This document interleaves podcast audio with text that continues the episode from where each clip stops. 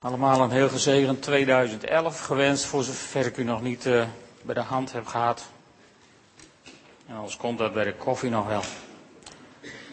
Het nieuwe maandthema is, hoe ben ik herkenbaar?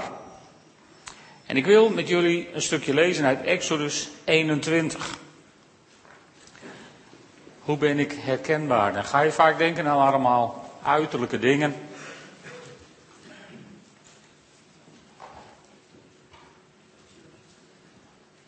En eigenlijk is dit ook wel een beetje uiterlijk, maar misschien iets minder. Exodus 21, vanaf vers 1. Het is het gedeelte waar God Mozes allerhande wetten en instellingen geeft voor het volk Israël. En in vers 1, daar zegt God dit tegen Mozes. Houd hun ook deze regels voor. Wanneer je een Hebreeuwse slaaf koopt, moet hij je zes jaar lang dienen. In het zevende jaar mag hij als vrijman vertrekken zonder iets te hoeven betalen. Als hij alleen is gekomen, moet hij ook alleen weggaan. Was hij getrouwd, dan mag zijn vrouw met hem meegaan. Als zijn meester hem een vrouw heeft gegeven en zij hem dan zonen en dochters gebaard heeft, blijven de vrouwen haar kinderen eigendom van de meester en moet de slaaf alleen weggaan. Mocht hij echter te kennen geven dat hij zo aan zijn meester en aan zijn vrouw en kinderen gehecht is, dat hij niet als vrijman wil vertrekken, dan moet zijn meester hem naar het heiligdom brengen, hem tegen de deur of de deurpost zetten en zijn oor met een priem doorboren. Hij blijft dan voorgoed zijn slaaf. Beetje een merkwaardig stukje. Misschien. Het is ook een vreemd voorschrift. En het eerste vreemde wat je tegenkomt als je dit Bijbelgedeelte gaat bestuderen, en je kijkt in verschillende Bijbelvertalingen, dat is vers 6. Je struikelt over vers 6. Wat staat er in de grondtekst? In de grondtekst staat, zijn meester moet hem naar Elohim brengen en hem tegen de deurpost zetten. Maar ja, wie is Elohim? De meeste van ons roepen ogenblikkelijk God met een hoofdletter. Maar in het Hebreeuws hadden ze geen hoofdletters. Dus daar schiet je niet mee op. En bovendien kan Elohim God betekenen, maar het is ook gewoon het meervoudswoord goden. En dat valt je op als je verschillende Bijbelvertalingen naast elkaar hebt. In de Statenvertaling staat, zijn meester moet hem naar de goden brengen. In wat nieuwere vertalingen van die signatuur, daar staat, zijn meester moet met hem naar de goden streepje rechters gaan. De NBG-vertaling heeft dat vastgehouden. en de nieuwe Bijbelvertaling die zegt, zijn meester moet hem naar het heiligdom brengen. Nou, dat betekent het in ieder geval niet. Aan de andere kant, als je naar God wil, moet je als Jood in het Oude Testament in het heiligdom zijn. Dus als afgeleide is hij goed begrijpelijk. En de, Willy, of, uh, de Nadense Bijbel zegt, hij moet hem naar God brengen. Of zoals de Willybrood vertaling, hij moet met hem naar de Godheid gaan. Maar hoe doe je dat nou? Hoe breng je iemand naar God? Ik bedoel, dat kan een hele vrome kreet zijn. Maar wat geef je daar voor inhoud aan? Naar God brengen. Dat is een hele lastige. En als je daar dan naar kijkt, dan word je eigenlijk door de commentaren geleid naar Genesis 3, vers 5. Misschien een heel gek sprongetje, maar daar zit diezelfde, datzelfde tekstprobleem in. Daar staat ook het woordje Elohim. En dan zegt de duivel tegen Eva, van als je van deze vrucht eet, zul je worden als Elohim, vertaal het maar. En dan zul je weten wat goed en kwaad is. Nou, wij zijn gewend uit onze Statenvertaling en NBG-vertaling, daar doen ze het namelijk net andersom. Dat is wel grappig. In de Statenvertaling en de NBG-vertaling, dan stul je zijn als God kennende goed en kwaad. Maar dan zijn er hele oude Bijbelcommentaren, en dan praat je echt over, over 18, 1900 jaar oud, dus geschriften van de oude kerkvaders, en die zeggen, ja maar, de mens heeft nooit van God kunnen leren over het kwaad. Want God is niet de oorsprong van het kwaad. Ja, daar zit natuurlijk wat in. En, en de oude Syrische Bijbelvertalingen, die zijn allemaal eigenlijk uitgeweken naar de vertalingen zoals we die terugvinden in de nieuwe Bijbelvertaling en in de Nadense Bijbel, waar Satan tegen Eva zegt, dan zul je zijn als de goden, kennende goed en kwaad. En wie waren dan die goden? Dat waren de gevallen engelen die met Satan uit de hemel waren gegooid, want die kenden het kwaad. En dan wordt het een vertaling die als het ware zegt van, ja, als ik het interpreteer, van luister eens, het goed kenden ze wel, want dat was hun ingeschapen. Toen God zijn levensadem in de mens blies, toen kwam al het goede kwam erin. En Satan beloofde Eva dan, in die vertaaltrand, van luister eens, als je van deze vrucht eet, zullen wij je ook het kwade leren kennen. Nou, daar is Satan erg in geslaagd om de mens het kwade te leren kennen. Maar goed, hoe je dit ook wilt vertalen of niet wilt vertalen, dit was voor mij een hele interessant stukje. Als je met zo'n tekst bezig bent, dan denk je, goh, wat apart dat ze daar zo bij komen. Alleen daar wil ik het niet specifiek over hebben. Wat je opvalt in dit, uh, als je zo met die tekst bezig bent geweest, dan is waar, waar begon het? Bij, bij de zondeval eigenlijk. Het begon bij naar wie er werd geluisterd. Het woord van God werd in twijfel getrokken en er werd geluisterd naar een ander woord. En daar ging het mis. Dus het gaat eigenlijk om luisteren. En dat brengt me dan terug bij dat stukje uit Exodus 21. Waarom moest nou dat oor van die slaaf doorboord worden? Daar zijn in de, in de Hebreeuwse geschriften bij de Bijbel heel veel, veel dingen bij verteld en aangegeven hoe dat precies werkte. Tegenwoordig zijn er ook heel veel uh, mensen, meer dames nog steeds dan heren, maar er zijn heel veel mensen die hebben hun oor doorboord. Dat wil niet zeggen dat ze voorgoed iemand slaaf zijn geworden. Het betekent alleen dat ze er leuk uit wilden zien met een dingetje door hun oor. Nou, voor mij mag het zolang je van mijn oor afblijft. Maar dat staat hier niet. het was niet zo dat die slaaf een leuk ringetje in zijn oor kreeg, of een leuk dingetje, of een merktekentje van zijn baas, van ik werk voor, noem maar een bedrijf. Nee, dat was de bedoeling niet. Want volgens eh, de, de Joodse commentaren, die ik ben tegengekomen, moest die slaaf met zijn oor tegen de deurpost worden gezet. En dan moest zijn oor met een priem worden doorboord. Nou, eh, degenen onder ons die wel eens timmeren, die hebben wel een els op de werkbank ergens liggen of hangen. En dan, eh, dan krijg je een asociaal gat in je oor. Stel ik me zo voor. En bovendien moest dat niet netjes in het oorlelletje, maar je moest hier boven in je oor, in het meest zichtbare deel van je oor, werd een groot gat gestoken. Zodat iedereen altijd overal aan jou kon zien van, hé, hey, deze mens heeft zich voorgoed verbonden aan een meester. En waarom nou dat oor? Nou, als God het in, het in de Bijbel heeft over het oor, dan gaat het altijd over luisteren. Het oor is, is synoniem voor luisteren. En uh, daarom moest die slaaf zijn oor doorboord worden. Om duidelijk te maken naar wie hij luisterde. En ik denk van, van hoe ben je herkenbaar als christen om nou toch de link te leggen, is van, naar wie luister je? Naar wie luister je? Naar wie luistert u in uw leven? Naar wie bent u van plan om te luisteren in 2011? Naar de goede voornemens, naar de publieke opinie, naar je vriendenclub. Vooral als je jong bent is natuurlijk de invloed van je leeftijdsgenoten heel erg belangrijk. Naar wie ga je luisteren? Wie wordt je, je leidsman of leidsvrouw in 2011. God heeft er iemand aangewezen. In Matthäus 17, daar staat het prachtige verhaal van de verheerlijking op de berg.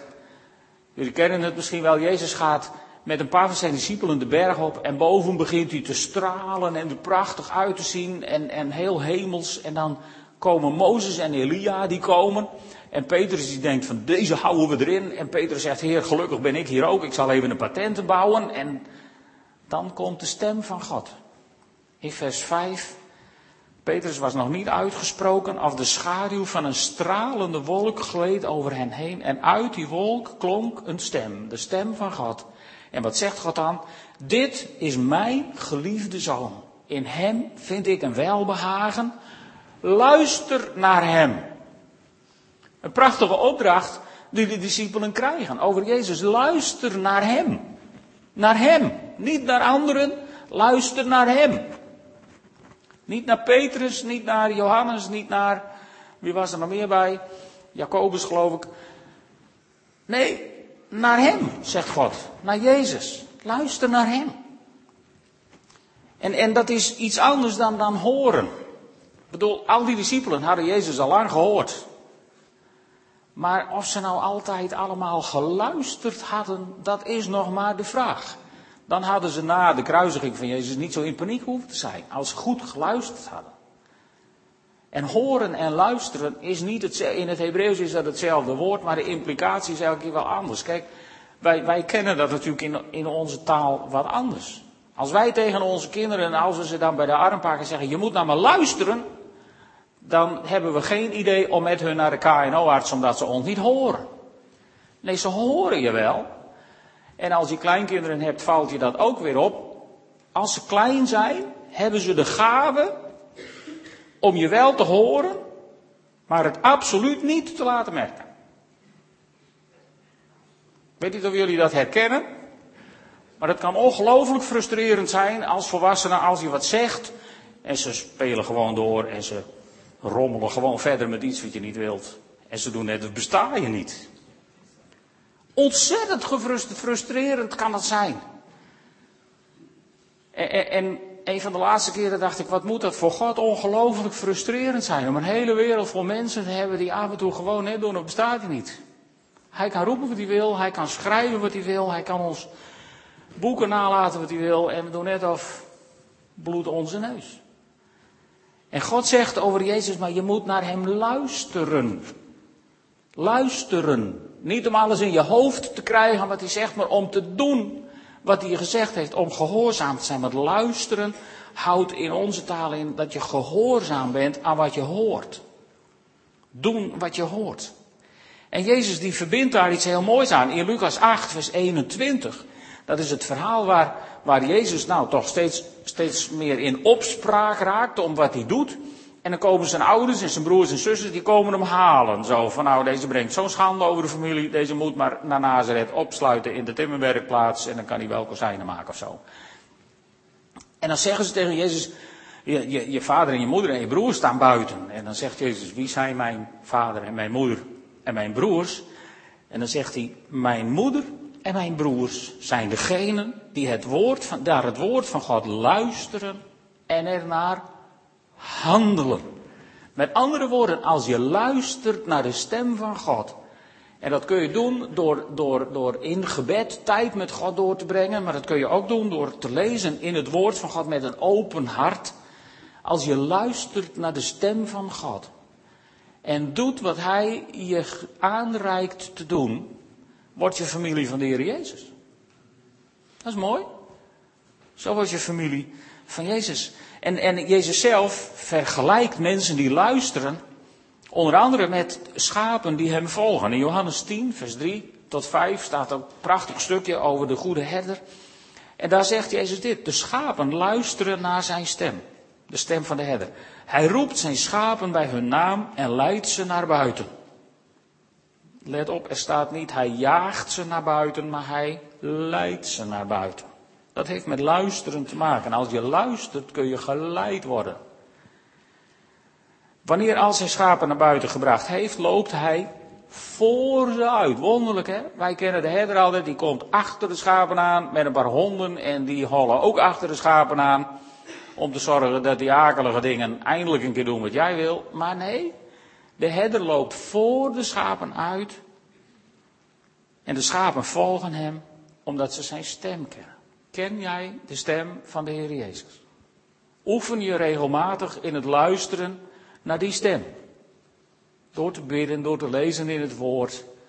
Gewoon door stil te worden voor Hem. Vaak zijn wij op onze manier wel aan het bidden, aan het aanbidden. En dan maken we zoveel herrie dat we geen, geen seconde de tijd hebben om eens even te luisteren in de stilte naar die stem van God in je hart.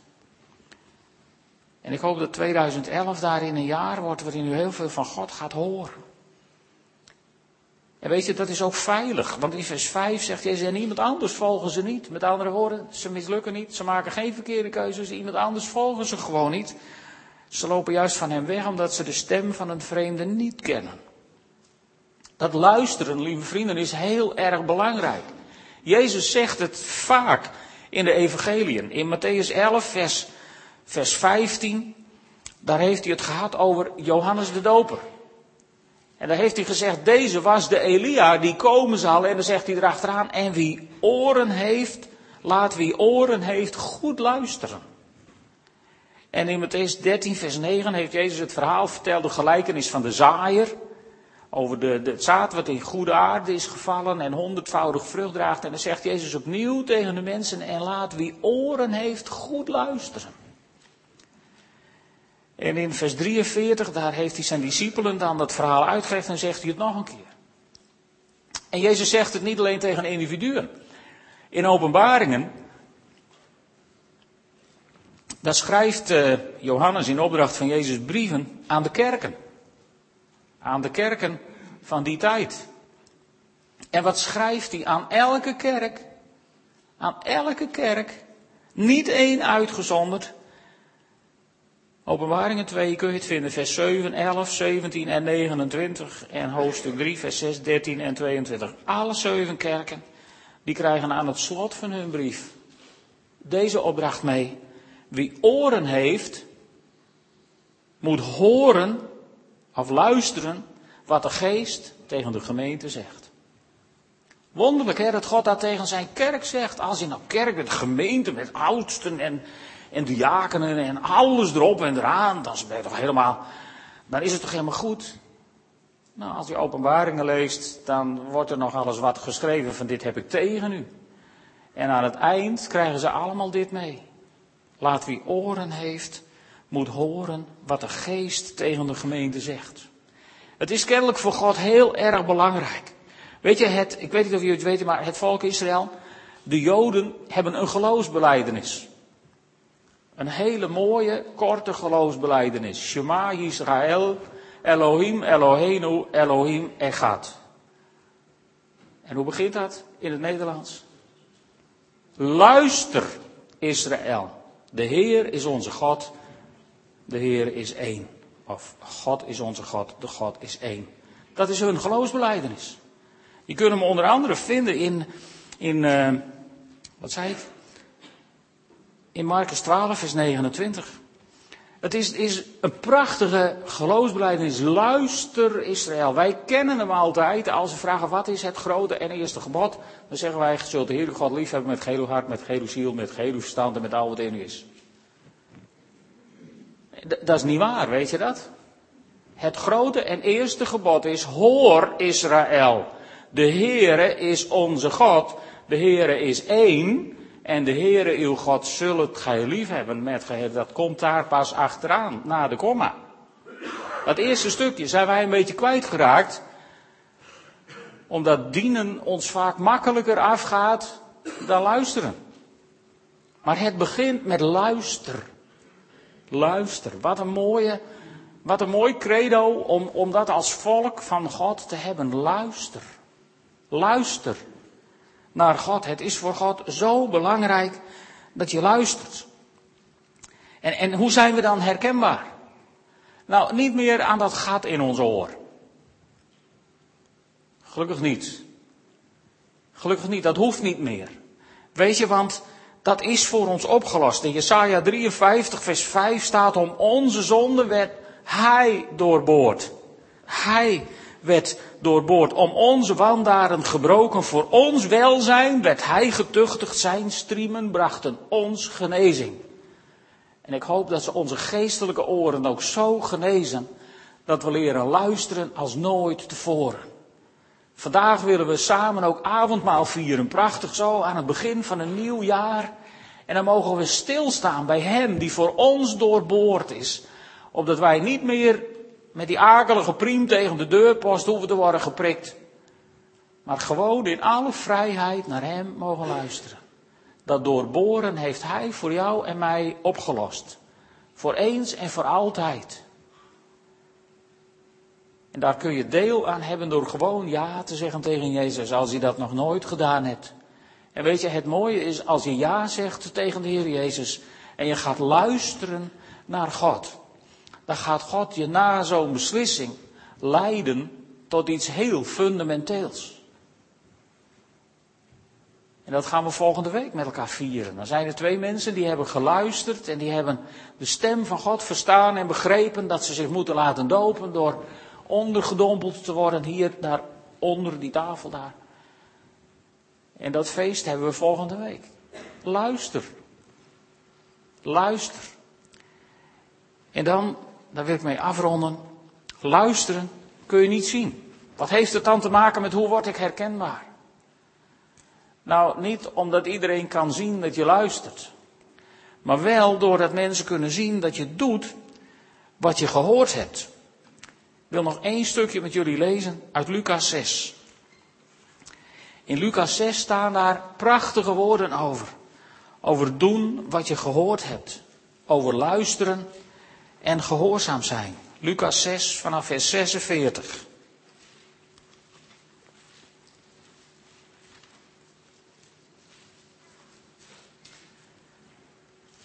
Lucas 6 vanaf vers 46. Waarom roepen jullie Heer, Heer tegen mij, maar doen jullie niet wat ik zeg? Ik zal jullie vertellen op wie degene lijkt die bij me komt, naar mijn woorden luistert en naar handelt. Hij lijkt op iemand die bij het bouwen van zijn huis een diepgaat groef, het fundament op rotsgrond legde.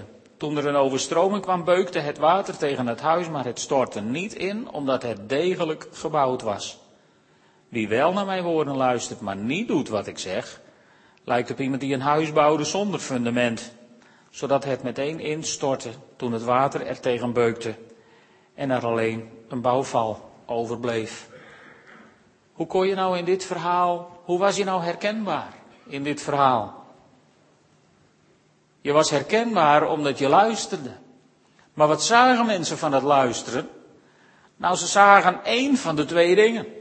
Ze zagen een bouwval of een huis wat er stond in de storm. Daar waren ze aan herkenbaar.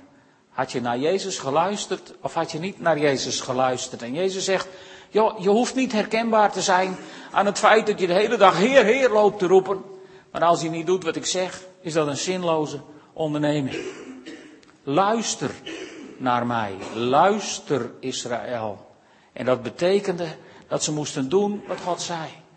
Als je leest in Leviticus 26 of in Deuteronomium 28, daar staan, daar staan hele rijen consequenties van luisteren versus niet luisteren. Daar is God zo duidelijk. Als je mij volgt en doet wat ik zeg, dan zal. En dan komen er rijen van zegeningen.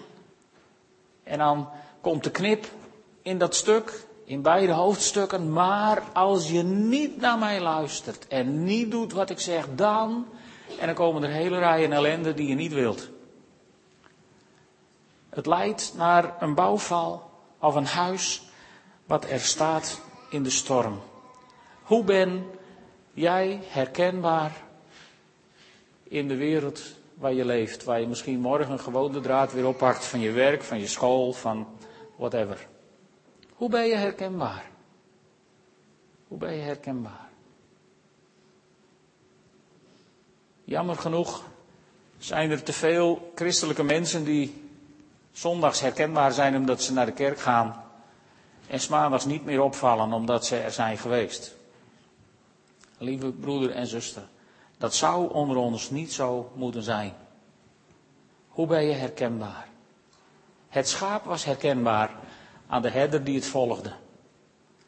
De bouwer van het huis was herkenbaar aan het feit of het huis in de storm bleef staan of viel. Met andere woorden, er kunnen best stormen in je leven komen.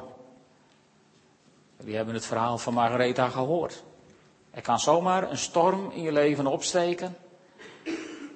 En is er dan rust en vrede in je hart die mensen opvalt? Hoe ben je herkenbaar? Door te doen datgene wat je meester tegen je zegt. door te luisteren met de intentie om hem gehoorzaam te zijn. En om in die kracht van Jezus Christus het jaar 2011 in te gaan. En daar heb je werkelijk alle genade van God voor nodig. Want als je dat uit je eigen vlees, uit je eigen energie, uit je eigen power gaat proberen, dan wordt 2011 een ramp. Maar als je het aangaat vanuit de genade van Jezus Christus, wetende dat de handen van God om je heen zijn, hoe je situatie er ook uitziet, dan kun je vol vertrouwen dit nieuwe jaar ingaan. Dan kun je de herder volgen omdat je zijn stem kent en zijn stem spreekt tot jou en mij.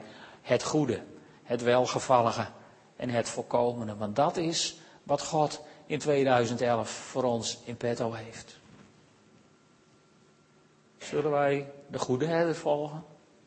Zullen we samen opstaan en een moment bidden?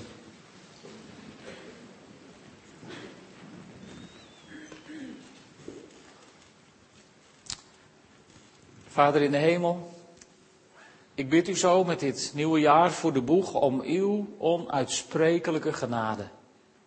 Wilt u ons zo machtig vullen, Heer, met de aanwezigheid van uw Heilige Geest, dat we in gehoorzaamheid zullen kunnen wandelen in het leven. Heer, en als dan het koekje langzaam maar zeker wordt afgerold, laat het dan zichtbaar worden aan de mensen om ons heen wat de inhoud is van dat koekje. Heer, dat het niet alleen maar lekker knapperig weghapt, maar dat er ook iets in zit. Iets in zit waar uw naam door verheerlijkt wordt. Heer, ik bid u, schenk ons de genade dat 2011 een luisterrijk jaar voor ons mag zijn, waarin we veel naar u luisteren en de dingen doet die u op onze weg brengt om te doen. Heere God, maak ons maar zichtbaar in deze wereld door ons te gebruiken. Wij willen de uwe zijn. En dat willen we ook gedenken in het brood en in de wijn die u ons hebt achtergelaten. Heere God, we willen zo dat ook tot ons nemen om deel te krijgen aan die kracht die u voor ons hebt achtergelaten toen u naar deze wereld kwam en toen u voor ons stierf. Heer, we prijzen uw naam voor dit machtige gedenkteken waar we ook aan het begin van dit jaar bij stil mogen staan. En vanuit die diepe dankbaarheid, lieve Vader in de hemel, willen we dit brood en de wijn zegenen in de naam van de Vader en de Zoon en de Heilige Geest. Amen.